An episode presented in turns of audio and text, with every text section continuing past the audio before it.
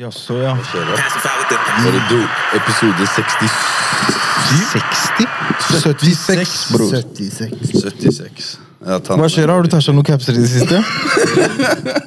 Den her fikk jeg faktisk. Å, herregud. Fy faen, Den latteren din har fått mye kjærlighet, da. Ja. Selv om det er Jeg har latter til en kar med Ja, med kols. 70 år gammel, Egentlig, ga, altså, gammel mann. Sliten publatter. Men det er, det er, det er noe sjarm i det. Folk liker det tydeligvis. Så. Ikke sant? Så hva skjer ellers, da? Går det bra? Chiller'n, ass. You good? Ja, men I'm all fine. Ja. Hva med deg? Jeg chiller'n, ass. Vi har med oss en uh, kul gjest i dag. Ehm, jeg skjønner storebroren hans. Jeg har faktisk lagd sang med storebroren hans. Big shout-out til Omar. Så han her var eh, Jeg har glemt hvor gammel du er. Vi trenger kanskje ikke å reveale det. Jo da, 100 29. Du er 29, ja. Ok. Ja, ok, Jeg holdt på å si du var Jeg holdt på å si du var eh, barnerumpe da, men du er jo ikke så ung. Nei, nei. Ja, Så jeg kan ikke trå you under the, bus. Nei, altså, jeg husker, jeg husker den godt, så det var ikke sånn. Ikke sant? Så, Nasri, du kalte deg De kaller han unge langpasning. Nå kaller de han bare pasning. Yes, sir. Aka Nasri. Velkommen til På ekte podkast. Thank you very Hva skjer, brorsan? Det Alt bra. Alt bra? Ja, 100% Sola kommer frem, sommeren er på vei, og det er good, good vibes her. Ass. Jeg fryser i hjel. Hvor er sommeren? Hva Ja, snakker det, du det om? er kaldt fortsatt, men har, nå har, man står opp om morgenen og man ser sola. Hvor lenge siden er det siden? Det hjelper Du oss. sier noe der. Eh, 100% Er det, er det bedre her eller på Sørlandet? Det er ikke så stor forskjell. Altså. Nei. Det er ikke same så shit. forskjell, ja. Det er ikke stor forskjell. Hva mener du? Ikke på hvor mye sol det er. Å ja, sånn, ja. Ok. Hva er Sørlandet egentlig? Hvor er Ja, fordi hva er egentlig Det må jo være noen forskjeller. Hvor er du oppvokst? Fordi Folk tror kanskje du er fra Oslo, men du er ikke fra Oslo. Ja, jeg er oppvokst på et bitte lite sted på Sørlandet som heter Vegårshei. Liten kommune, ca. 40 km øst for Arendal. Så mot da Oslo, da. Ok, og Hvor mange mennesker bor der? 2000 innbyggere. 2000 innbyggere? 2000 Å, innbyggere. fy faen! På å være på Furuset aleine, det bor ti ganger så mye. Det er akkurat det. Det er lite sted, og tettby, liten bygd. Heavy religiøs. Veldig sånn derre adskilt, på en måte. Det er eh, et egen liten sånn community, da. Ble du jagd mye sånn som Lahlus ble? Jeg ble- av jeg ble nynazister faktisk og ikke- rasister og Nei, ass. Jeg ble Nei? lagd jævlig lite, ass. Jeg skal Men det var, det var, var det en by hvor folk tok vare på hverandre? Var det en del av samfunnet, fellesskapet der? 100 Det er litt, litt sånn spesielt sted, for det, det er veldig religiøst. Altså En klar majoritet av kommunene var kristne. Eh, og um, det gjorde til at uh, det var kanskje litt andre utfordringer der enn det det var um, uh, i andre steder av landet. da. Eh, og eh, em, som ung så hadde vi jo mye til felles i og med at vi, vi er muslimer, sant? og Ja. de er kristne. Så um, man skal, altså det er veldig mange flere likheter enn det man skal tro. da, I levemåte og Jeg tror vi, verdier. vi, da. vi mennesker generelt er mye mer like hverandre enn det vi liker. Men som hvilken likheter hva er det du tenker på da? Jeg tenker mer på at de har en uh, At det er, et, det er roligere. Ikke mye drugs, ikke mye uh, nynazister og ikke mye sånn veldig sånn der, uh, utagerende folk. Folk uh, beveger seg litt likt mønster. Har litt samme familieverdiene. Løpet i livet er kanskje litt likere uh, til, fra en da um, på en måte tradisjonell muslimsk oppvekst og, og en tradisjonell kristen oppvekst. da. Altså Nøkkelordet her er jo tradisjonell. da. At begge to har kommer fra litt av på en måte samme Ja, For du vokste opp der med hvor mange søsken? Du har to eldre brødre? To eldre brødre og en lillebror. Wow, Så dere var fire gutter? Ja, så Muslimsk familie blant 2000 kristne nordmenn. Yes, sir. Og, på, og da vi kom, mamma og pappa kom til Norge, jeg lurer på om det var i 87-88. Så da vi kom, så var det, nesten, så var det bare oss. Så de var veldig, veldig veldig tidlige. eh, spesielt til Sørlandet. Um, og som afrikanere. Så det gjorde til at uh, det var selvfølgelig veldig store utfordringer for dem. da. Jeg tror de opplevde mye sånn, sånn crazy som nynazisme, nynazister som i postkassa og yeah. sånn, sånn type crazy, sånn ting. da. Men uh, da jeg ble født, så hadde på en måte de allerede integrert seg mye mer, lært seg språket i større grad, begynt å ta, liksom, ta, gjøre mos. da. Jeg er født der. Det er visse ting man er man misunner, og så er det visse ting som er fordel å ikke være fra Oslo. da. Um, Som hva da? Eh, eh, en av de tingene, Jeg kan begynne å oppsummere de tingene som man misunner. da. Det er jo da ting som for eksempel den community-følelsen. Ja. At man har på en måte, som du sier da, at man har eh, en, Det virker som liksom, spesielt utlendinger i Oslo har en viss tilknytning til hverandre.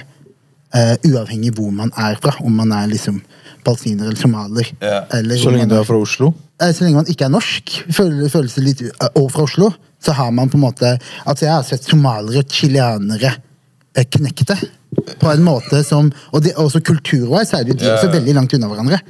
Men, mm. men de har en. De er fra Oslo, de er utlendinger. bla, bla, Det og det er de største største forskjellene fra liksom Norge til USA, hvor det er, liksom, det er gringos og så Ja, ja. delt i grupperinger. Her så er det sånn Spiller ingen rolle. Er du utlending, er du Det er det, du er liksom, du er liksom Oslo-staner. Ja, det er akkurat det. Osloaner. Ja, det er akkurat det. Og folk er veldig pride i det. Altså det og, og, og alt som kommer med det, da, det med at man har en så stor kulturell forståelse. Man kan ord fra forskjellige språk og de tingene der. Um, det er jo sånne ting som jeg har sett på og tenkt at det hadde vært eh, ja, på en måte det, I hvert fall i yngre alder, da. Så var det noe jeg misunnet mye, da.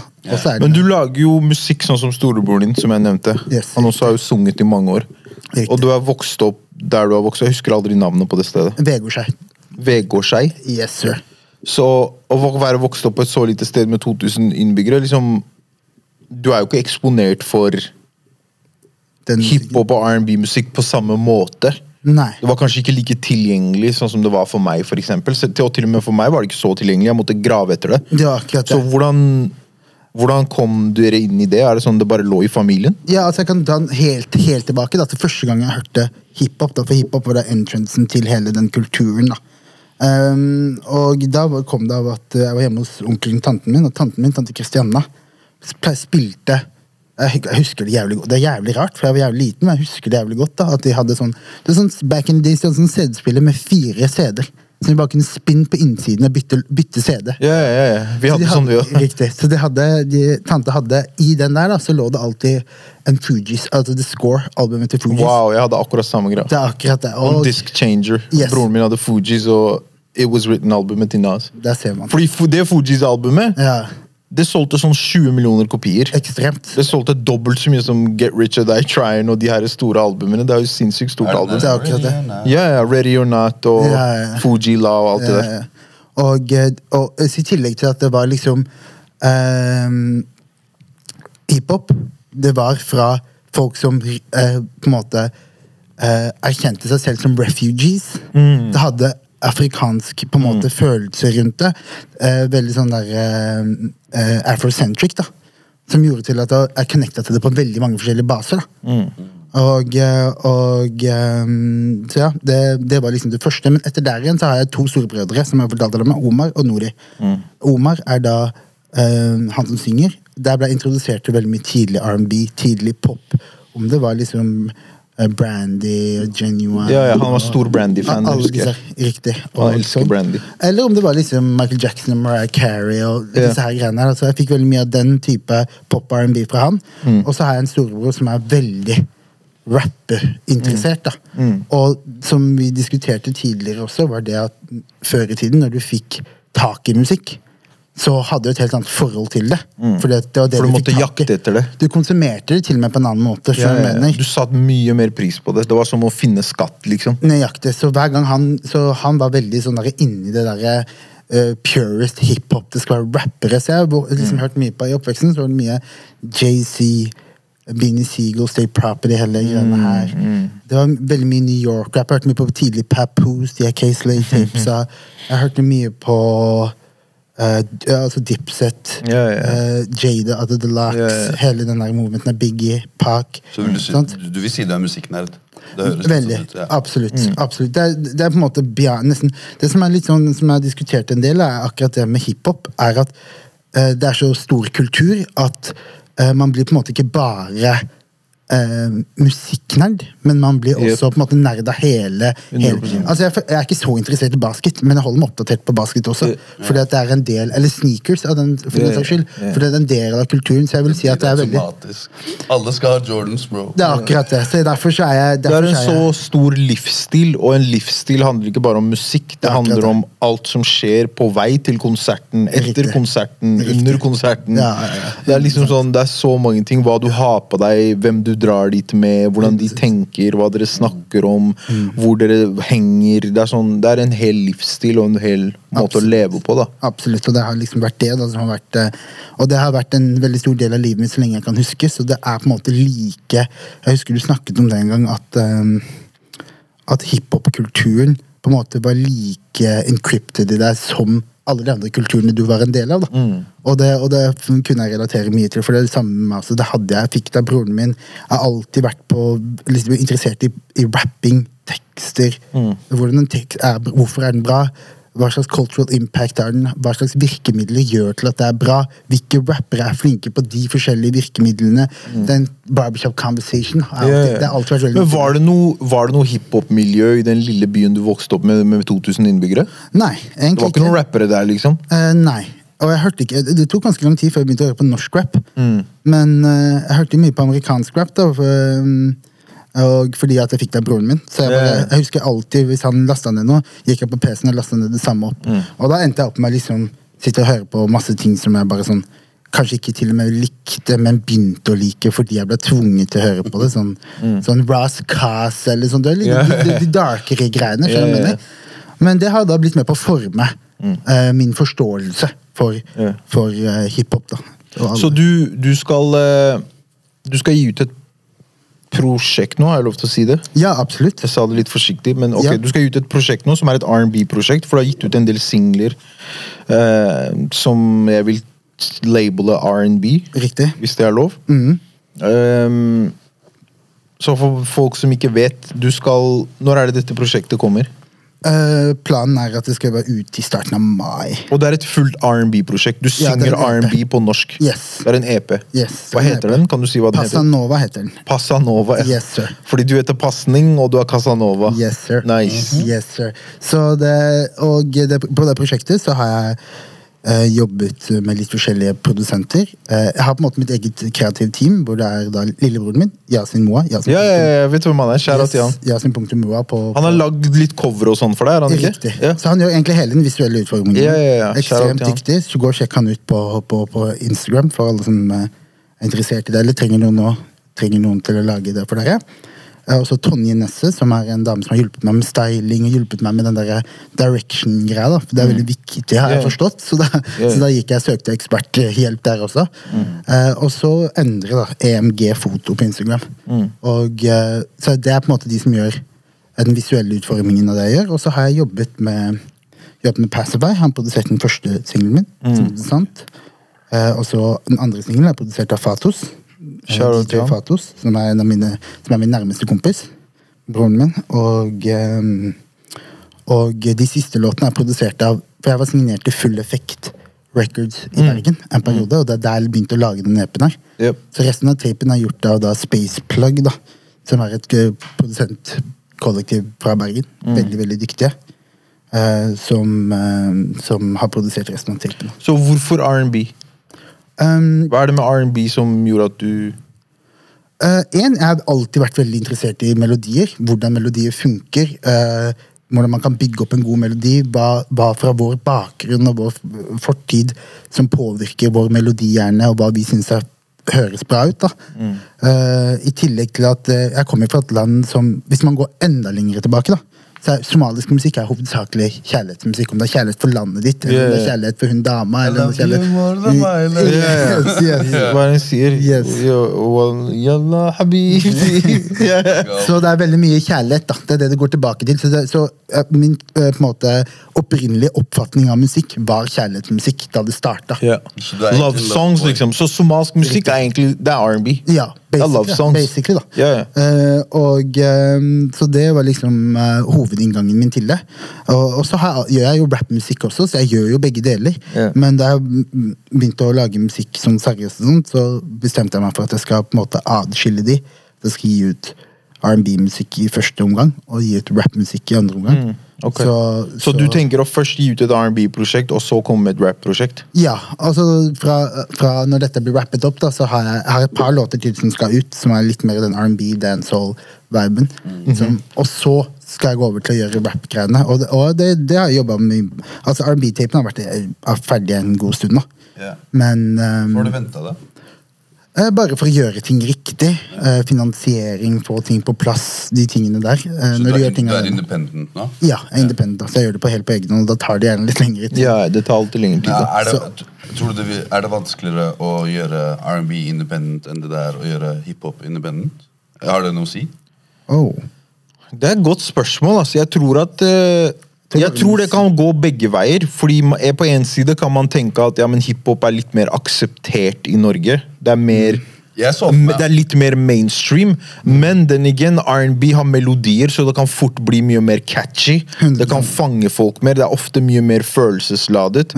Så det kan gå begge veier. Jeg synes det er nesten lettere å bli tatt inn i varmen hvis du er den der loverboyen som lager sweet music. Ja, men det er det jeg mener, så det kan gå begge veier, men samtidig, folk elsker også å bare turne opp og høre på tekster som ikke nødvendigvis har så mye mål og mening, men det bare er en vibe, og det er turn up. ja, 100%. så så det, kan, det spørs hvordan du utleverer det, tenker jeg da. Ja, Og så er Norge et land som um, er veldig glad i å turn up-musikk. da. Yeah. Du ser jo da at De fleste låter som gjør det stort, stort, er jo Mm. ment for klubben.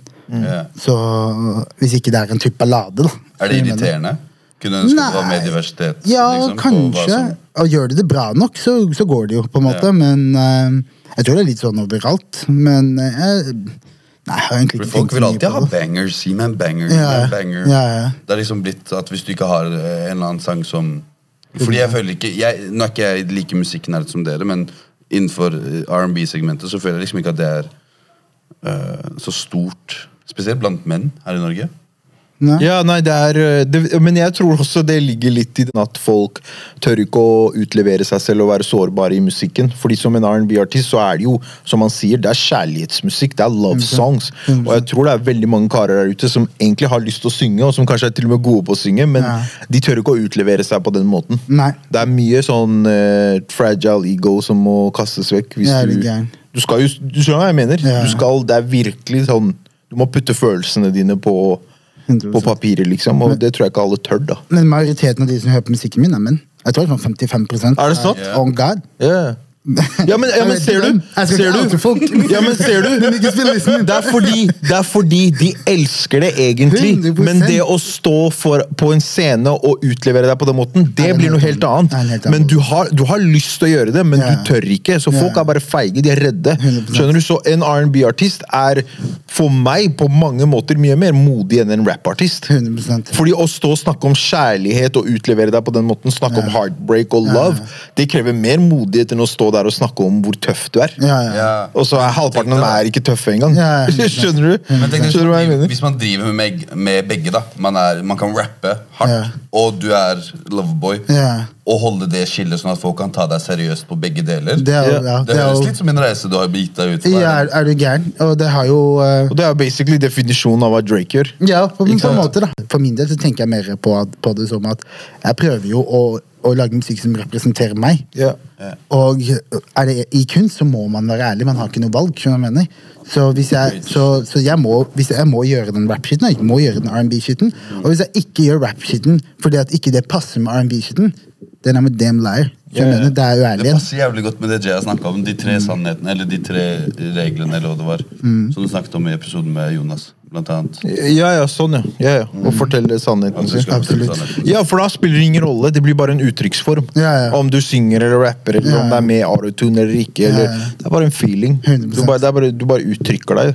Absolutt. Ikke sant? Og det vi snakker om, er jo definisjonen på de største og de beste artistene på jordkloden. Ikke sant? Ja, ja, ja. Kanye West, 100%. Drake. Yes. Skjønner du? Det er sånn, De er definisjonen på det der. De synger og de rapper. 100%. De har, har på Arotune, og de har ikke på Arotune. 100%. De rapper på fuckings backpack J Dilla beats, og de lager 808 and Heartbreak. Det er Ja, sånn ja. derre det er jo definisjonen av det du snakker om. 100%, og det er og de største artistene. Og begge prøver jeg å holde ærlig i forhold til hvem jeg er. da. Altså I R&B-musikken så snakker jeg ikke om at jeg får uh, supermodeller eller banger 500 damer i uka. jeg mener? Mm. For det ville vært fake. Det er mange R&B-sangere som gjør det, men det ville vært fake. Yeah. Og på rap-delen så snakker jeg ikke om å skyte noen i hodet, eller de tingene, for det ville også vært fake. Yeah. Jeg liker jo begge de to formene for musikk, men det er ikke meg. Så jeg prøver liksom å gjøre begge deler så nærme meg som mulig. da, på en måte. Så hva er, det du, hva er det du vil få frem, da? Hva er det som er deg? Um, og det, det er et interessant spørsmål, egentlig, for jeg formidler veldig annerledes greier med de forskjellige uh, sjangerne. Altså, med musikk så har jeg lyst til å, sna så har jeg lyst til å snakke om historier jeg har gått igjennom. Fordi at, Tilbake til akkurat det med Drake. da, at Mye av årsaken til at jeg er så Drake er en av mine favorittartister of all time. Og uh, en av årsakene til at jeg er så glad i Drake, er fordi at han klarte å fortelle noe uh, veldig ærlig om måten han har gått gjennom ting. Og ikke bare hva han har gått gjennom, men også måten han har reagert på dette. Som gjorde til at jeg hadde på en måte, jeg kunne ta læring av det da, til den gangen jeg går gjennom det. Han var et par år eldre enn meg. Så to-tre år etterpå så kunne jeg liksom oppleve en situasjon, og så knytta det meg direkte tilbake til en tekst han hadde om en lignende situasjon, og så connecta det der, så jeg skjønte mye mer på en måte hvorfor kanskje hun reagerte på den måten hun gjorde. Da. Fordi at han har realisert hvorfor hun gjorde det, som er da samme som for meg. i min situasjon, Og så lærer man ut. Så det er egentlig med R&B-greiene så er det det som er greia. Jeg vil bare fortelle historier om hva jeg har opplevd. Og så kan yeah, en person lytte yeah. til det og på en måte ta det de ønsker ut av det. da. Hvorfor tror du at eh, Fordi som du sier, det er, det er, mange, det er mange store R&B-fans, eller mange, en, en stor del R&B-fans i Norge også, som elsker å høre på R&B. Mm. Men hvorfor er ikke R&B-scenen i Norge større? Hva tror du er grunnen til det? Jeg tror det er fordi R&B i Norge er fortsatt veldig ungt. Hvis, hvis, man da men, hvis man da sier at uh, late 90s var da på en måte norsk rap, sånn som vi diskuterte forrige Ja, gang, yeah, yeah. er liksom norsk raps birth, da.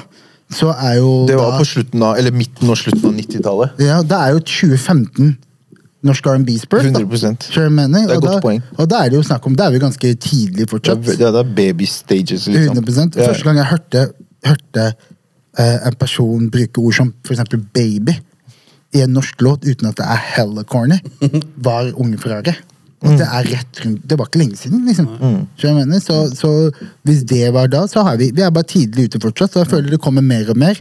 Det er forskjellige nyanser av um, um, Hvis man ikke kaller det R&B, da, for det er det som er tingen at man må diskutere på en måte kriterier til hva som er R&B også. Ja. Men hvis man da sier melodisk rap, da, eh, så legger man jo merke til at det er mye som kommer opp nå som er melodisk rap. Det beveger, og den Men jeg anser ikke det som R&B. Nei, det gjør, ikke, jeg- det gjør ikke jeg heller. Er Men, sånn der, eh, men hvis vi snakker traditional R&B, så lager jo ikke jeg heller traditional Nei, Det trenger ikke å være tradisjonell R&B, men Ja. moderne R&B også Ja. er ikke rap med melodier. Nei, 100% Skjønner du? Fordi du har liksom, Hvis du hører på SZA, du hører på Her, Summer Walker, a- eh, Giveon, alle disse artistene, de kan sing their ass off. Ja, det er sånn, De er vokalister 100%. og låtskrivere. Så, så det er R&B. Det er bare moderne R&B. Men så har man sånn de, de her eh, mellomgreiene. Har du hørt om Maury? Maury, Ja. han som var på J. Cole-albumet. så- Nei, han har ikke hørt om. Maury, Han store. Maury? M-O-R-R-A-I. Aldri hørt om. Har du, har du ikke hørt? Han ikke har, en en bare. han har um, Han har en låt på J. Cole-albumet med 21 Savage. I done been in bed ok, ok, ok. Det er den eneste sangen han jeg har hørt. Å nei, han har et par Han hadde, Han ass. han Ja, hadde, ja, en, han låt, han hadde en låt som var Som var uh, Som ble stor. Som du han alene. musikken under huden. Riktig. Don't love me Det den derre Ja, ja, med 21 Savage. Jeg vet ikke hva du mener. Han, har, han begynner å gjøre det ganske bra. Han er fra South Carolina. veldig kul. Han er jo en person som er født og oppvokst i en church. Lager en kombinasjon av R&B. Altså, Jeg vet ikke om det er melodisk rap eller Det er på en måte Nei, men han er jo full blown sanger. Men han lager også rap. Jo, jo, jo, det er fine, det er fine Ja. men jeg mener bare at når du først skal kategorisere noen som R&B Han hadde jeg 100% kategorisert som R&B, Ja. fordi det handler om Eh, hvordan han presterer. At han, han vok Vokal-abilitiesene. Han er en vokalist. Skjønner du? sånn, ja. En rapper som ra har melodisk rap, Ja. er ikke en vokalist. Han bare rapper med melodi. Ja. Som jeg syns ikke skal kategoriseres som R&B, fordi det er fortsatt rap. Det er bare at du gjør det mer catchy ved å legge inn melodi til det. Men du kan ikke synge for shit. Nei, det er for så vidt sant, men, men så, så det har ikke noe med uh, uttrykket uttrykk av musikken å gjøre. Det har med din ability to sing. da. Det har med begge deler å gjøre, føler okay, jeg. Det er en kombinasjon av mange ting. Ja. Men du kan ikke, ikke sant? For da kunne du sagt at Young Dag er en R&B-sanger. Fordi all, hver eneste rap Young Dag har, er med melodier. 100%. Men han er ikke en R&B-sanger. Nei, men også er det Skjønner lydbilde og liksom Ja, produksjonen, Ja. tekstene Ok, vent da, La oss trekke dit. Jonas Benjob. Han, han kunne, han, hvis han vil, han kunne lagd R&B-musikk, Ja, ja. men det er ikke det uttrykket han går for. Nei. Men da ofte så er det jo Jeg har hørt sanger fra han som er sånn Det er mye kjærlighetsgreier og Ja. Ja, han kan synge. Skjønner du? Og han kan synge. Sånn, han, Han, er ganske han god. lager mye popmusikk. Hvis du, Jomar er jo en poplåt Ja, ja. en rapplåt. Ja, ja. Så Men uh, vekk fra R&B. yes, sir. Rappere i Norge. Ja. Vi hadde en samtale om det her. Yes. Eh, og så er det sånn den typiske samtalen som vi har hatt uh, 50 ganger på mm. podcasten her. Topp fem, ditt og datt. Fordi vi, Greit, vi har ikke så mange R&B-artister i Norge, men vi har nok av rappere. Ja, absolutt. Hvem er det som er best i Norge? Beste rapperen i Norge. Beste rapperne i Norge? Um, men da, det er med alle. sånn at alle er inni her. Du kan si hva du vil. Min topp fem beste rapperne i Norge um, Skulle hatt sånne trommer på greier. um, Chirag og Magdi. That's two. Så de tar én og to. Nei, dette er bare random. Ok, fem er bare greit. random. Uh, Chirag Magdi. Arif og Lars. Du snakker om Lars Vaular. Lars Vaular, ja. Du pusta tungt inn der, altså. Mm, den Nei, bare- siste her eh, ville jeg ha putta um, Egentlig jeg ville putta Storepe inni der, men Storepe er uh, Han gjør liksom den melodiske R&B-greia og rap-greia og sånn, så hvis du tar han ut, da, så ville jeg putta Messe fra Tøyen Holding Mm. Som nummer fem der. Fordi det her er navn som vi ikke ofte snakker om Nei, på podcasten. Og vi ikke har snakket om. Jeg skjønner jo godt til alle de. De er ja. er legender i norsk, i norsk rap. Men Absolutt. den nye generasjonen som er nå, med Mm. disse kidsa som er på TikTok og hører på alle disse finlandshete rapperne, de aner ikke hvem du snakker om. nei. Det er synd. da. Vil jeg tro. Men det er jo, det er jo fordi at disse artistene, mange av disse artistene er ikke så, har ikke vært så aktive akkurat det siste. Ja, fordi de tar seg tid. De kjører litt den der Kendrick og J. Cole-greia. De bruker Ja. tid på prosjekter Ja. som varer og som betyr noe. De også hopper ikke de på den her og er, bølgen. de er en eh, på en måte del av karrieren hvor de er privilegerte nok til å kunne gjøre det.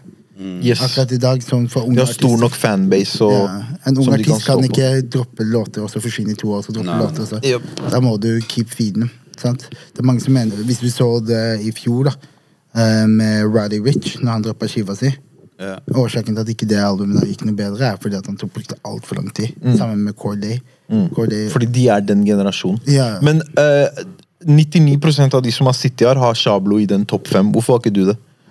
Um, det, er, det er flere årsaker til. En av de er fordi at jeg føler at eh, han eh, har på en måte fortsatt å bevise sin plass. For å danke ut en av disse gutta her, da, så må du gi meg um, et uh, håndfast prosjekt. Noe som vi kan ta fram i den debatten. Når man diskuterer ok, men For alle disse gutta her har prosjekter i baklomma. liksom. De har en katalog. Uh, 100 Og uh, han har liksom Så det går litt på katalog. Uh, det går litt på at um, er Oslo-folk inhabile når det kommer til Shablo? Ja. Hvorfor det? Nei, jeg har, jeg har hatt den diskusjonen her med jeg tror, Du, fordi du hadde en diskusjon her med meg. yes, jeg tror, jeg tror hoved, en, en av Utgangspunkt hovedgreiene den diskusjonen, da, den dere hadde. Bare Eh, for, det var- hvordan starta hele nei, jeg tror vi bare diskuterte at eh, for folk som bor i Oslo, så er Jonas Benjo med en gang inn i den topp femmen. Uh, og hva er årsakene til det, da, hovedsaken. For jeg, jeg sa at jeg ikke er, han ikke er det for meg. Du går ikke automatisk inn i min topp fem fordi at du har kule låter. Han har kule låter, men hvor mange låter har han hvor han beviser at han Hvis vi snakker rapper, da, nå går vi tilbake til rapper, ikke sant? Yeah. Artist er et annet spørsmål, han gjør jo veldig mye forskjellig. Yeah. Hvis vi går tilbake til rapper, så, så uh, kan, kan vi gå låt mot låt. Vi kan gå album mot album. Og jeg kan argumentere med alle de fem at de er på et høyere nivå enn Jonas Benjup. Forskjellen er bare det at jeg tror at Jonas har en connection, eller de kids har en connection til han, fordi at eh, eh, eh, historiene han formidler, er direkte tilkobla til eh, oppveksten deres. Om det er fra eh, lingo han bruker, til eh, situasjoner han forklarer, til områdene han snakker om, til alle disse tingene her, er veldig relatable for veldig mange i Oslo. da. Så med en gang de hører en Jonas Benjob-låt, så treffer det dem. Til og med, Jeg kan gå så dypt og si at til og med metafor metaforoppbygningen hans kommer fra en form som er veldig um, uh, på en måte Oslo. da. Yes. Og måten du setter opp punchlinesa dine på, alle disse tingene her. For lyricism kan jo være ganske bred forskjellige greier. Det er jo på en måte smak og behag på mange måter. Men, eh, men man kan jo snakke om for eksempel Man kan sette Jadikis her, og man kan sette Andre 3000 her. Og så har man to helt forskjellige kunstformer. Hvor den ene på en måte er, er mer skrive abstrakte, male store bilder, mens den andre er en punchline-rapper. Han sier ting Skjønner du hva jeg mener? Yeah. Det er Ja, men så, så, det- like, da. Det som er tingen, da Jeg tror Fordi jeg, jeg, jeg har snakka mye om akkurat det, når det, spesielt når det kommer til han. Um, og vi kalte han Shablo. Vi snakker om Jonas Benjob. Jeg har lovt at jeg skal slutte å si Shablo. Jeg er bare så Ja, vant til det. Vi snakker om Jonas Benjob. Uh, jeg har vært veldig vocal om akkurat det, om hvor viktig det er med prosjekter, og det er mange grunner til det. Det det handler om, i bunn og grunn, altså hvorfor det er så viktig å levere et prosjekt som betyr noe i musikkulturen og i kulturen generelt, er fordi spesielt i den tiden vi lever i nå, hvor musikk kommer ut så ofte, så hyppig, og det kommer ut så mye Det et album gjør, et vel gjennomf gjennomført album med et liksom en rød tråd, et, et konsist lydbilde, et sterkt konsept, et bra tema og bra musikk og bra enkelte låter i tillegg oppå det, er at da flyr det ikke forbi deg like fort. Det, det blir et sånn, et sånn en samling som du kan gå tilbake til og vise til og si det her, det var et flagg som ble planta her, yeah. og vi kan gå tilbake og revisite det øyeblikket. Mm. Det er, det, det, er, det er mye tydeligere når det er et album. Når det er enkelte sanger som bare kommer ut her og der, så forsvinner det sammen med alt annet som kom ut det året. Så med mindre du har en av de største singlene som kom ut det året, så er, er du glemt. Yeah. 100%. Hvis jeg spør deg nå, hva var de tre største rapplåtene som kom ut i fjor? Hva er de to største rapplåtene som kom ut i fjor? Norske rapplåtene. Hva er én stor rapplåt som kom ut i fjor? Den du husker best. Ja. Poenget mitt, Men det er ikke at du skal svare på det. Nei. Poenget mitt er, hvis det, hvis det er tre du kommer på, hvor mange har du glemt?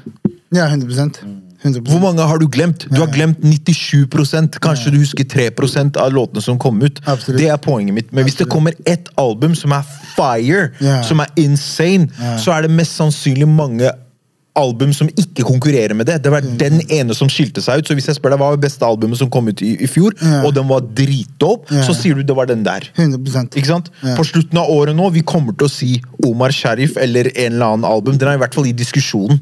Skjønner du? Fordi den gjorde så sterk impact, og den var så betydningsfull og det var så gjennomført Er at selv om du ikke fucker med musikken i desember og du ikke hører på det, yeah. du kommer til å ha med den i en diskusjon. Mm. Og dette kommer aldri til å forandre seg, fordi du sa når du var kid Fuji, eh, The Score av Fugees. Mm. Du husker den enda. skjønner du? Den, den hadde en så effekt på deg at du glemmer det aldri. Det Nei. gjorde noe med deg. gjorde at du ville bli artist, nesten. Ja, ja, ja. Ikke sant? Og det er fortsatt viktig i dag. Ja, ja. Så jeg tror det er det det handler om med artister. Om det er Jonas, eller om det er Oscar, eller om det er lillebroren min Hiwa, eller om det er uh, uh, Ice, om det er whoever det er. Disse Mm. unge artistene, liksom.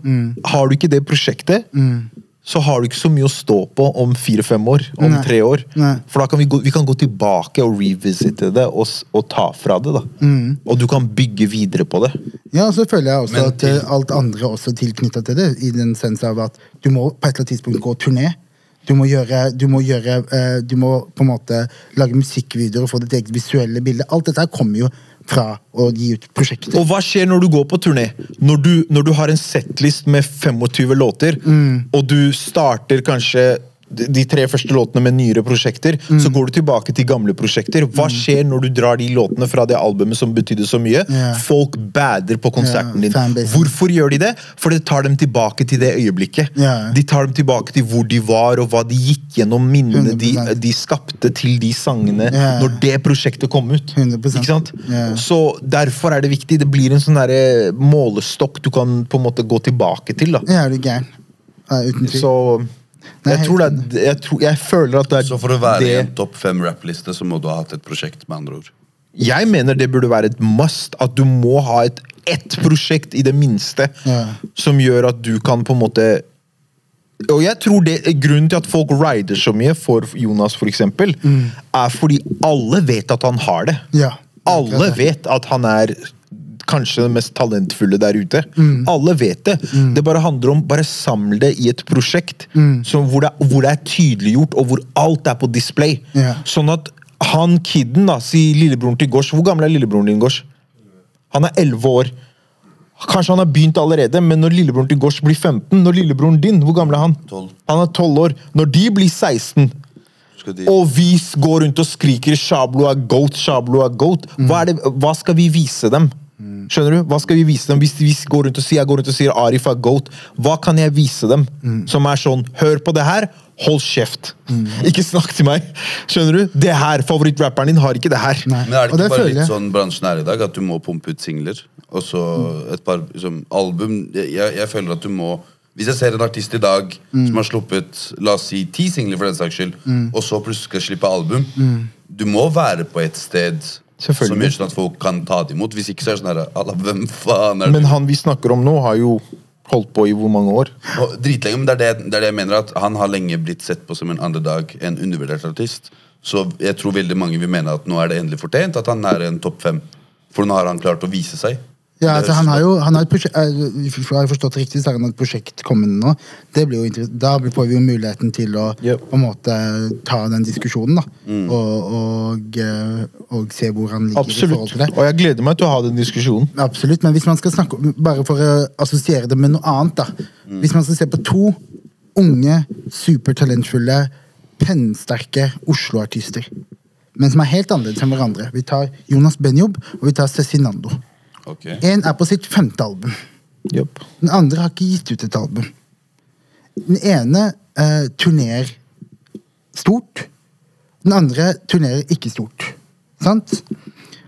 Talent-wise og år i gamet, så er det ikke så stor forskjell på det. Jeg synes Jonas Benjob, selv om det, Man kan ikke sammenligne det, for de gjør to helt forskjellige ting. Men Jonas Benjob syng, synger bra. Han spytter heftig. Han er en hyggelig fyr. Han har en bra utstråling. Han representerer noe akkurat på samme måte som Cezinando gjør. Eneste som er forskjellen, er at jeg kan gå tilbake til albumet til Cezinando to-tre ganger. Det var hele poenget mitt. Og vi kan ha, den, vi kan ha han, han, Cezinando er en som Hadde du dratt fram sett på min topp fem-liste og sagt at Cezinando fortjener en plass inni der, vi, vi kan ha en diskusjon på det. Ja. For det kan, nå, nå er det jo tilbake til at det er min topp fem, så det er jo mye på hva jeg kan relatere til. Absolutt. Men at Cezinando skal være en topp fem, det, det Jeg kan være helt enig i det, fordi at han har the body of work Yep. til å kunne på en måte Jeg ta tror, jeg tror det folk, sånn som du nevnte i stad, du har sagt et par ganger før, Larush, at jeg du sier jeg er ikke musikknerd sånn som dere. Jeg tror det vi prater om nå, det er det som skaper en musikknerd. Jeg tror jeg er sånn at jeg kan breake ned hver eneste lille ting. Jeg kan tracklistinger til album utenat, og jeg vet hvem som har produsert hver eneste låt, og hvor samplet kommer fra. Sånn helt mentale ting som jeg nesten blir litt flau over å si til folk, Ja, for men de tenker for du er skada. helt, Ja. helt utenomjordisk. Det er sånn Så det jeg vil frem til med det, er at det som skaper det hos meg, som gjør at det ble implementert i meg, og jeg ble så opptatt og opphengt i det, er nettopp fordi at jeg fant en artist jeg likte veldig godt, men han klarte å skape en verden med prosjektet, med albumet. Han skapte en verden hvor jeg fikk sett på alt som en film. Sant? Når en person lager en biopic, da, for eksempel, en, eller en dokumentar om livet til noen, det er kanskje 30-40 års historie klippet ned til to timers innhold. Ikke sant? Men de filmene og dokumentarene som er dritbra, er når de har klart å fortelle historien riktig, og de har klart å samle alle de beste høydepunktene og øyeblikkene, og fortalt historien på en jævlig kul måte. Og det er det et bra, klassisk, dritbra album er. 100%. Eller et prosjekt. ikke sant? 100%. Så der, og da du kan gå tilbake og se på den filmen, den dokumentaren, og den vil alltid gi deg den følelsen. For det er så bra formulert og utlevert. 100%. Ikke sant? Så ja, singler er viktig. Ja, det er viktig, for det er den tiden vi lever i. Men man kan ikke unnlate det andre. Man kan ikke glemme det andre. Nei, nei. Det må skje parallelt. 100%. Og det er det mange gjør, bare den ene. Man har altså Vi er veldig på det der at vi skal ha det nå. Instant tilfredsstillelse. Ja, basically da. At vi skal ha det nå, og uh, en singel Hvis du tar et album på ti låter, og så splitter du opp i singler, og så dropper du én og én, og så pusher du de hardt, da melker du jo mer ut av hver singel. I at det er flere som hører om deg, det er flere som um, um, Jeg hater du det får, der. Du får inn penger, kanskje ja. mer, alle de tingene der. Men problematikken da er at du er borti mange. Bare litt borti de. Mens Yes. dropper du et album, så kaprer du folk. Yes. Jeg? Jeg hater det her artister yeah. driver med. Sånn, yeah. sånn, til og med i ditt tilfelle. Ja, ja. Hvis jeg ser at du dropper fire singler før prosjektet, du kommer, Ja. før prosjektet ditt kommer Ja. jeg, altså, Du skal drite i hva jeg syns, det er bare min mening. Men jeg som en musikkfan fucker ikke med det. For det er sånn, Hvorfor skal jeg høre tre singler? Bare gi meg prosjektet. Yeah. Bare gi meg prosjektet, La meg fordøye alt med en gang. Yeah. La meg sette meg inn i det. Bare gi meg alt med en gang. Så la meg gjøre opp en mening. Ikke fortell meg hva første, og andre, og tredje og fjerde singelen skal være. For da nå danner jeg et første, andre, tredje og fjerde inntrykk før jeg får hele prosjektet. Bare gi meg alt med en gang. Men, hva, men, men la meg utfordre den tanken der litt. da. For, okay. eksempel, for eksempel jeg, da, som vi snakket mye om tidligere. Han, dropp, han har jo droppa singler før omtrent alle albumene hans. Har han det? Ja, ja. Når har han det? Han droppa Let's Watch the Throne, han droppa Otis før den. Han droppa, Han droppa, de droppa Ham, og så Oris, så kom Ja. albumet. Og så nå Church in the Wild, og så kom albumet. Og, kanskje. Det three, men, men de tre singlene var jo, vil jeg argumentere, viktige i the, til the anticipation som gjorde til Men det er Kanye West og Jay-Z. Ok, greit. Men la oss si Drake, da, for eksempel. Ja. Han også har dropp, droppa singler. Ja, det er den vanlige greia han gjør. Ja. Tusen slide. Nei, nei, nei, forresten, han, dropp, han dropper vanligvis bare Ja, Tusenslider, men det var på en måte ikke et album, det var bare en compilation. Ja. Men uh, det Drake gjør, at han ofte dropper andre låter som ikke havner på Sånn som for eksempel den der eh, med Lou Dirk, som han droppa, den store singelen. Mm, Uh, baby. Ja, ja. For faen. when they say they do? You know, Fuck, jeg glemte sånn- den, navnet. den låta var ikke på, på CLB. Det er så, Ingen var av de den lå- ikke? ingen Nei, av de- den var ikke det. What Now? eh, What's next? What's next? Ja, ja, ja. eh, eh, den der med Rick Ross. Men, men poenget er at Men du må droppe noe, bare for å create liksom Ok, nå is, is time, liksom. Jeg, jeg er enig i Nasri. Ja, for å starte den At du må slippe Strø litt sukker Ja. før du gir meg hele krukka. Men når du er så veletablert jeg tre Drake trenger ikke å droppe singler. Kanye trenger ikke. trenger ikke å droppe singler. Han trenger. For husker du det var en periode Beyoncé var hun som begynte med det her. Ja. Det der eh, albumet som bare het Beyoncé. Ja. Eh, det var surprise-album. Yeah. Og da begynte alle artister på den tida med surprise-album. Yeah. De sa ingenting, de bare droppa det. Dagen det var ute, det var ute. Yeah. Og det skapte mye demand, fordi alle skulle være først om å tvitre om det, legge det ut på Insta. For da føler du at du Sånn oppdager det. Weeknd gjorde med forrige skiva si. Riktig. For da føler du at du er med på å oppdage det. Mm. Du kan gjøre det når du er så stor. Ja. Men jeg føler nå har ting forandra seg. At alle gir ut singler hele tida. Det blir yeah. lost in the sauce. Yeah. Så da, hvis du skal gi ut et album, så må du også jobbe mye hardere. 100 For du må putte mye mer arbeid i det. Og da går kvaliteten opp. Det er det jeg bryr meg om. Jeg gir faen i de her plateselskapene og Spotify sin algoritme og streaming og tall og penger. Jeg bryr meg ikke om det. Jeg bryr meg om musikken. Fordi til syvende og sist, hva skal du med alt det der at å, jeg hadde streama høyt? Bro, alt det der, Mye av det der vi trenger ikke å gå inn på det, men mye av det der er bullshit uansett. Det er inflated numbers. Ja, ja. Det er en del av en, et system de putter inn i en spilleliste Mm. som har automatisk en million følgere, som gjør at sangen automatisk får 100 000, men det er luft. Mm. Ja, og hvordan kan du ha to millioner avspillinger på Spotify, men du kan ikke fylle en 20 stykker på en arena? 50 stykker på en arena? Takk skal du ha. Det, det har vi, det har vi Du klarer ikke å fylle Parkteatret med Nei. 500 mennesker, Og og, du skryter av ja, to millioner streams. Det er luft, bro! Mens det er nigger som har 100 000 og 200 000. Som fyller! Som fyller, ikke sant? Vi, vi har kommet til et punkt hvor vi kollektivt som utlendinger har skjønt at vi må skape verdier.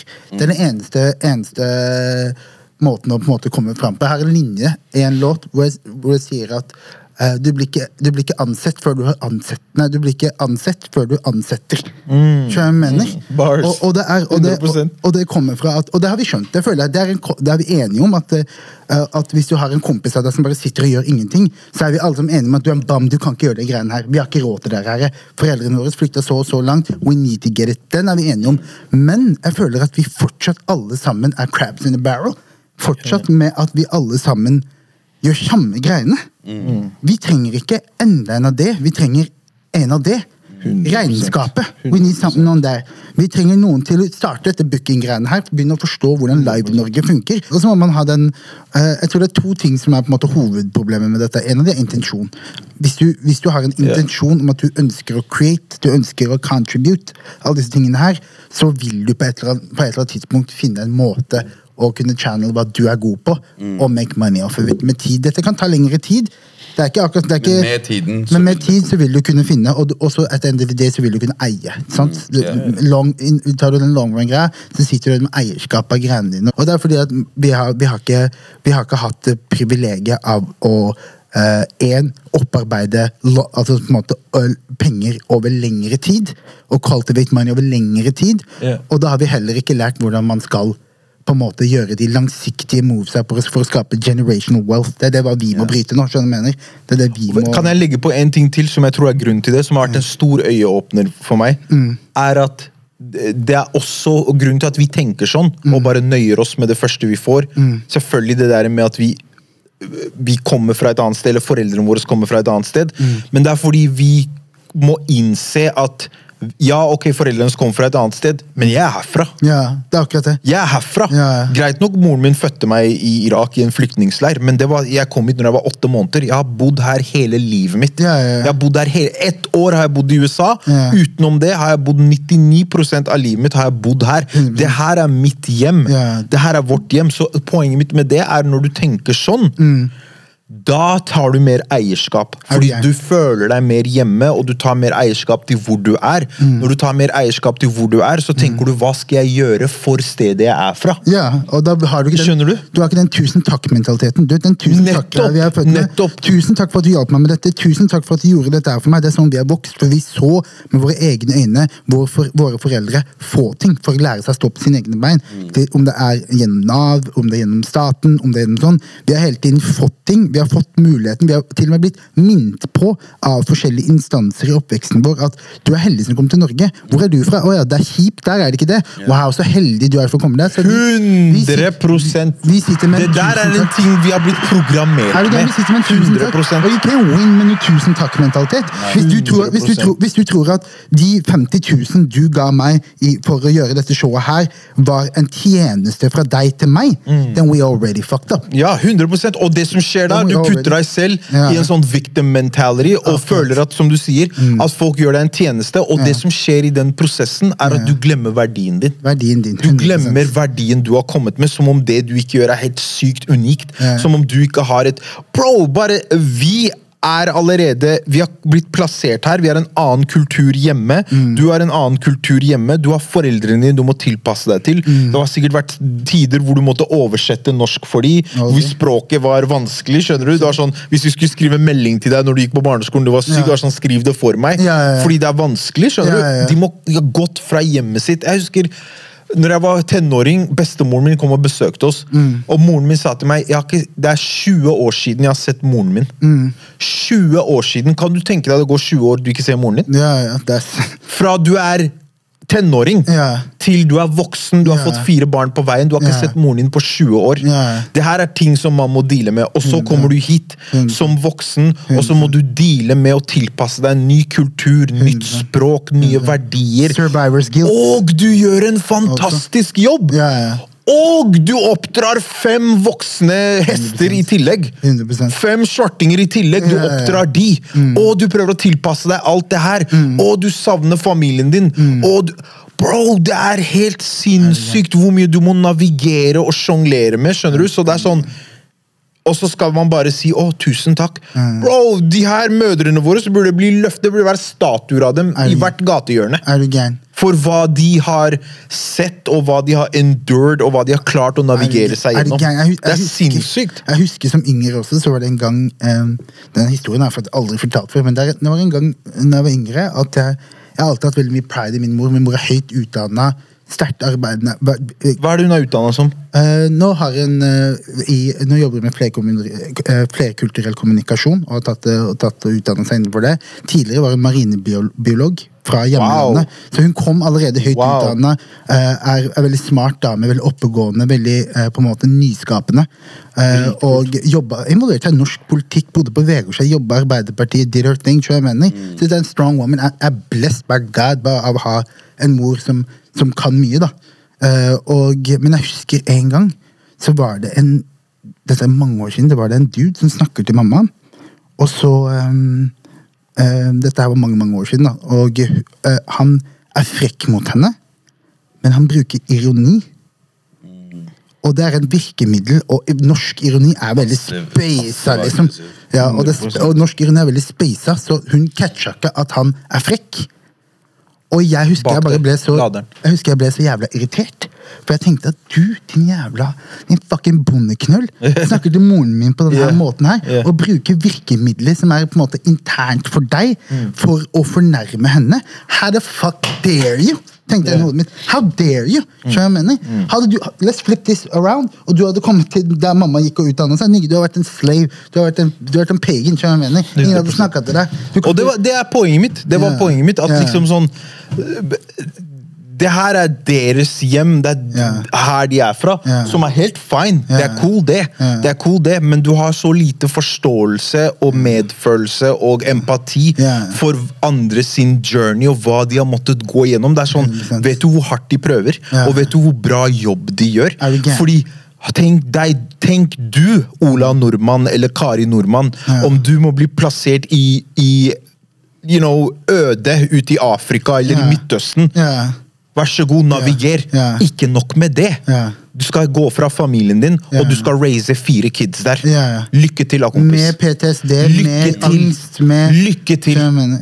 Det er det her. Når, hvis, du bare hadde, hvis bare folk hadde stoppa opp Det her tok meg 30 sekunder å forklare. Hvis, Ja. du, hvis folk bare hadde stoppet og reflektert i 30 sekunder Ja. om det når de ser en dame i sjal, eller de ser en somalsk mor, eller de ser, whatever det er, Mm. Ja. og bare tenkt på det at det her er mest sannsynlig storyen hennes. Hadde, det er umulig at du kan behandle det med noe annet enn topp, optimalt, med, med respekt, og kjærlighet og medfølelse. Skjønner du? Hvordan? Og empati. At Det er umenneskelig.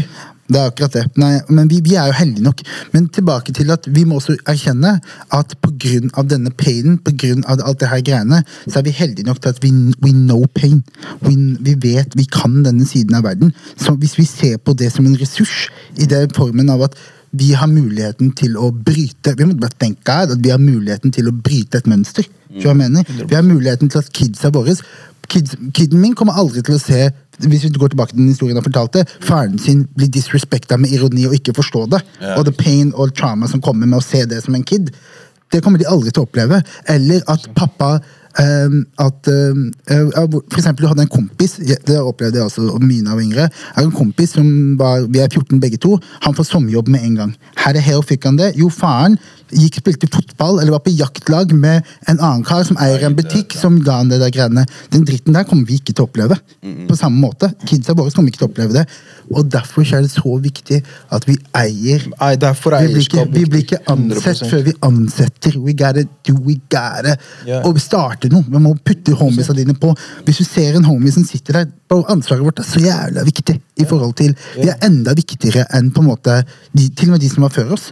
Så, det, så jeg føler vi må bare prøve å, å ehm, eh, begynne å applaudere oss, oss utlendinger i Norge må begynne å applaudere hverandre for worken, ikke for resultatet. Å ha det i hodet, bare for å ha en endring av mentalitet. At vi begynner å Du ser en brother work. Karen har Han får 200 streams på, på YouTube.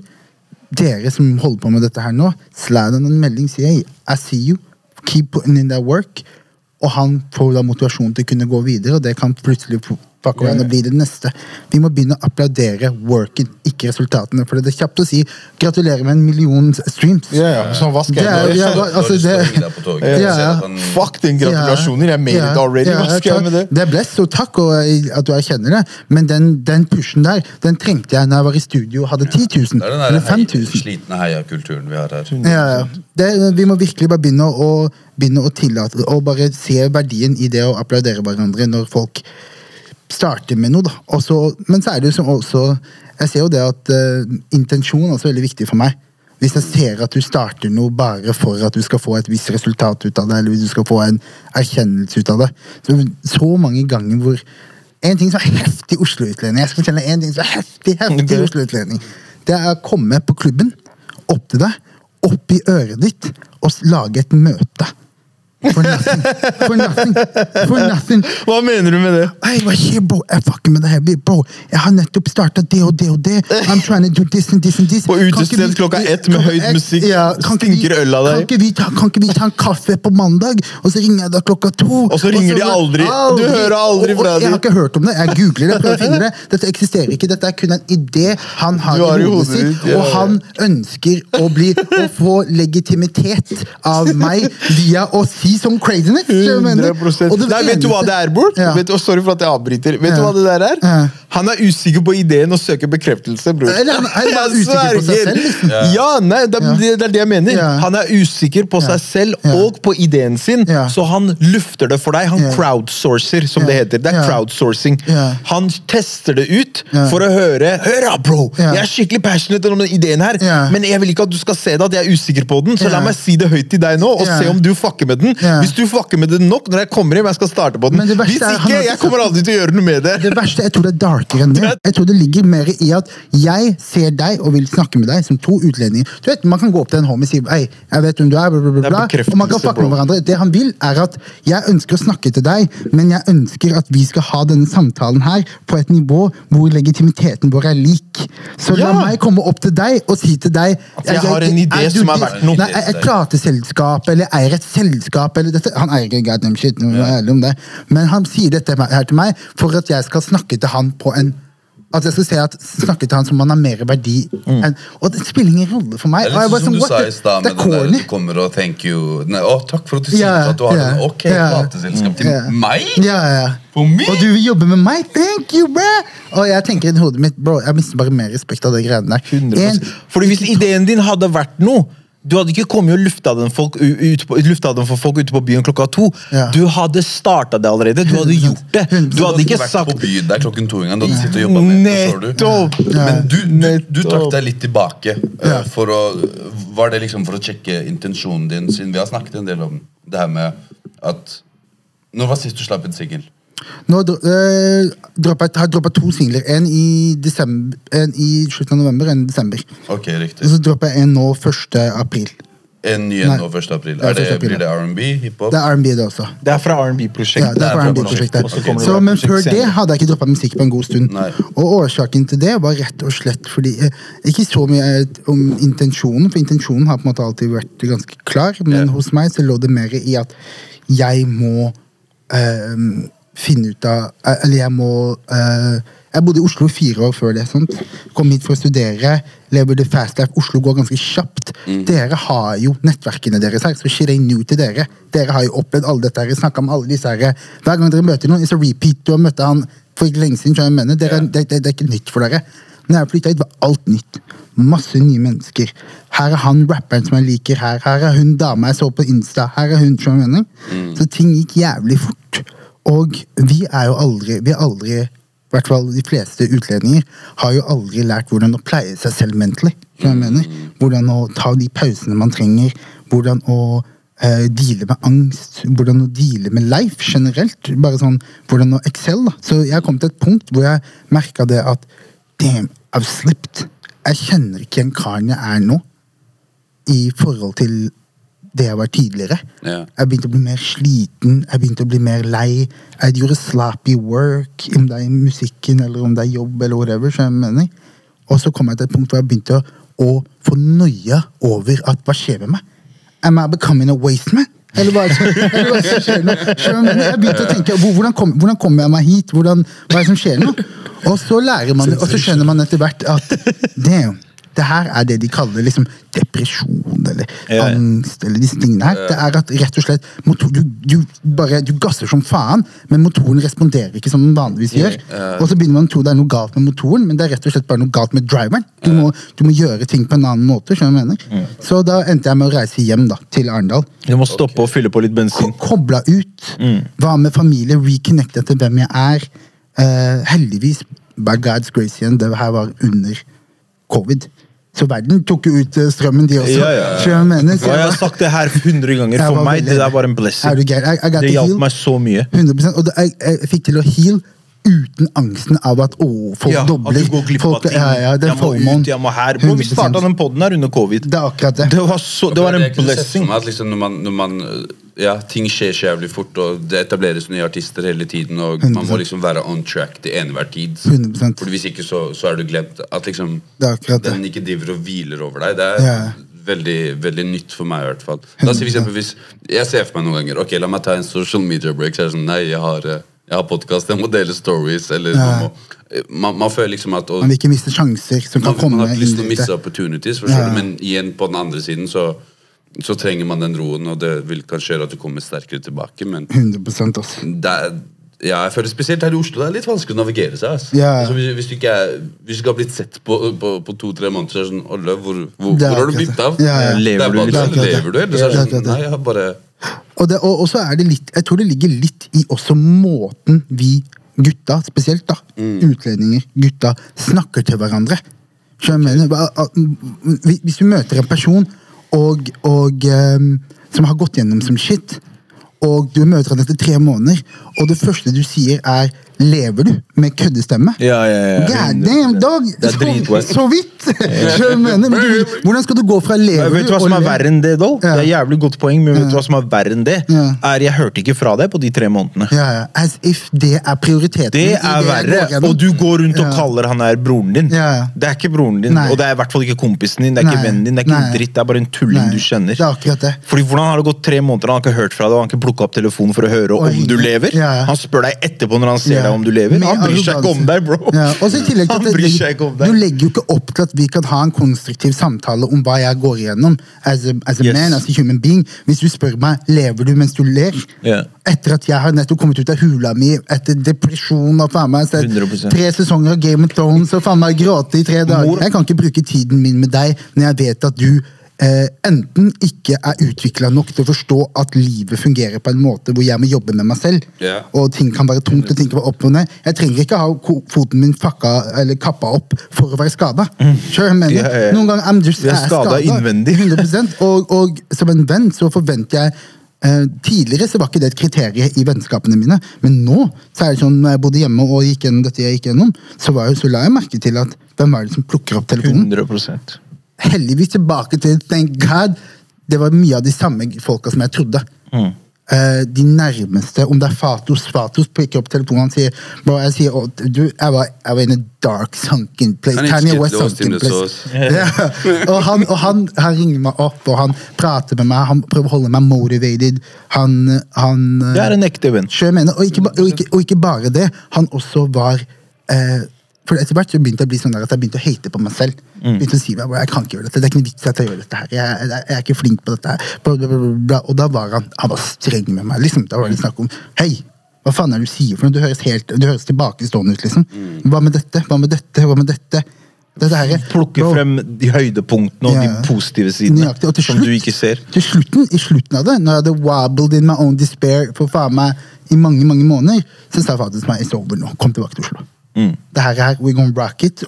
Hvis funker det, God's grace. Funker det ikke, at least du har ikke sittet på ræva di i Arendal og vært, mm. vært uh, deprimert og gjort sippa over at ting, ting har gått litt imot deg. Sånn mener? Og mye av det fikk var det som fikk meg tilbake. Det er så vennskap. Å ha gode venner. For før, du vet, når man blir som fader sier, lost in the sauce, så er, ligger jo det i at du kikker deg rundt, og du ser a lot of people, og du tror at du er good av det. Yeah. For at i hjernen din tenker du at ok, det er 15 brothers i dette rommet her akkurat nå. If shit goes south, at least åtte av de kommer til å ha meg. Yeah. Om de åtte forsvinner, det går bra. Og så får du smellen, og så ser du at det er to stykker igjen. Yeah. Ikke åtte, det er veldig veldig få igjen. jeg mener? Jeg tror, altså, en annen ting, jeg tror en annen ting med det er at det der med å bli lost in the sauce er Mm. fordi vi glemmer å lage vår egen sauce. Ja. Og jeg tror nøkkelen til livet sånn for meg er å finne ut av utvikle forholdet ditt til deg selv. Hva du, hva du liker. Mm. Hvem er du? Hva er det du fucker med? Hva er det du ikke fucker med? Hva er det, hvilken situasjon er det du putter deg i som drar deg ned? Hvilke situasjoner husker du som du er i, som har løfta deg opp? Og hvordan ivaretar du og fostrer det?